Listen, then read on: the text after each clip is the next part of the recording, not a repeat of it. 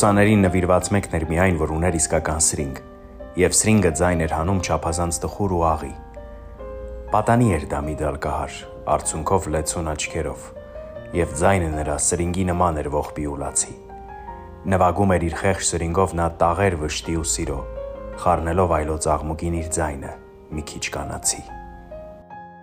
Մահվան տեսիլ պոեմում Եղիշե Չարենցն այս խոսքերը ձոնել է հայ ռոմանտիկ բանաստեղծ թատերագիր Վաղամեր Հանճար Պետրոս Տուրյանին։ Ինչպես Սևակն էր ասում, հայ գրականություն եկավ ոգևարող պատանին, եւ մեր բանաստեղծական միտքը մեկ դարով կտրեց իր նախորդներից։ Տուրյանի ստեղծագործություններում քնարական հերոսն ինքն էր, իր անձնական գույներով։ Դրանք երբեմն եղերերքեր են, որոնք կարծես թե ողջ կյանքում քայլում են նրա կողքին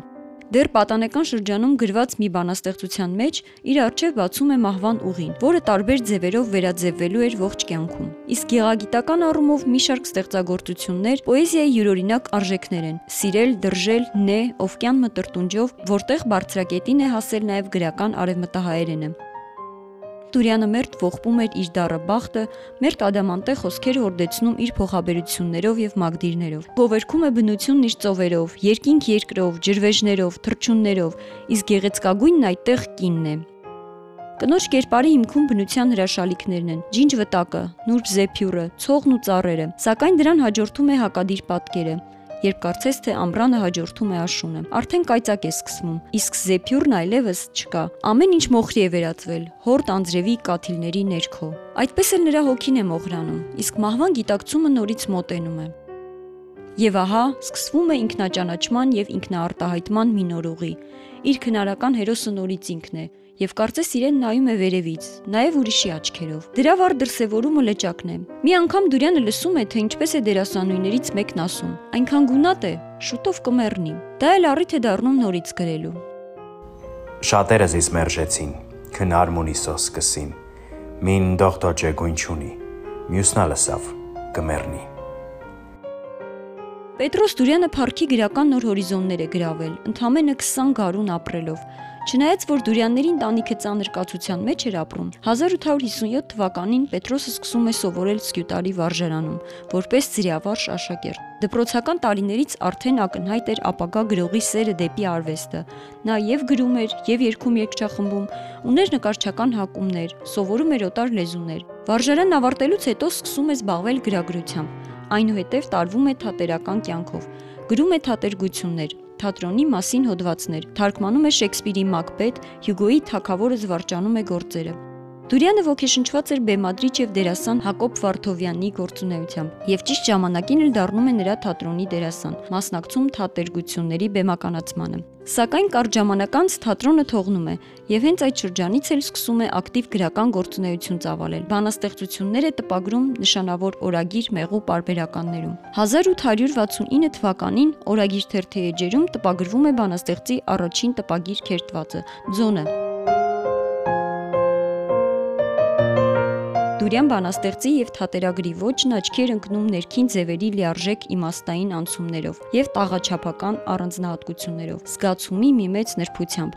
Այդքան կարճ կյանքի ընթացքում սակայն հասել էր ինքնաճանաչման եւ մակրագործման իր բարձրակետին, բայց դեռ ինչեր կարող էր ստեղծել։ Գիտեր, ասում էր, հարգս չգիտցան, բայց պիտի փնտրեն զիս։ Ախ գոնե գրածներս տպեցեք չմորցվիմ։ 1871 թվականին սկսած հիվանդությունը այն աստիճանի էր սասկացել, որ բանաստեղծն անգամ ներկայացումներին չէր հաճախում։ Դրան էլ միանում է մեկ այլ տարապանք։ Նույն թոքախտ հիվանդությունից մահանում է բանաստեղծի ընկերը, թատերգակ եւ բանաստեղծ Վարդան Լութֆյանը։ 20-ամյա ընկերոջ մահը վերջնականապես հյուծում է դալկահար ու լուր բանաստեղծին։ Միաժամանակ դա կարծես թե նպաստում է ստեղծագործական գործունեությանը։ Այդ ընթացքում գրված բանաստեղծությունները տպագրվում են, սակայն ցավոք հետ մահու։ 1872 թվականի հունվարի 23-ին էլ սկսվում է անժամանակ հեռացած բանաստեղծի անմահության ուղին։ Դուրյանական աստղը դեռ այնքան է շողալու Դուրյանական ժառանգության մեջ կարևոր տեղ են զբաղեցնում նաև թատերգությունները։ Դեռ 15 տարեկան պատանի էր, որ գրեց Վարդ եւ Շուշան հովերգական մելոդրաման։ Այն գրում էր ֆրանսիացի արձակագիր Ժակ Անրի Սեմպիեր դե Բեռնարդենի նշանավոր Պոլ եւ Վիրգինիա վեպի ազդեցությունը։ Պահպանվել են նաև թատրոն կամ թշվառները, հառաչաբան ստեղծագործությունները։ Թատերգություններում էլ տեղ են գտնում հիմնականում ազգային ինքնության պահպանության հիմնահարցեր։ Պատմական թատերգություններում, ինչպիսիք են Տիգրան Բ, Արտաշես աշխարակալ, Անկումն Արշակունի հարստության,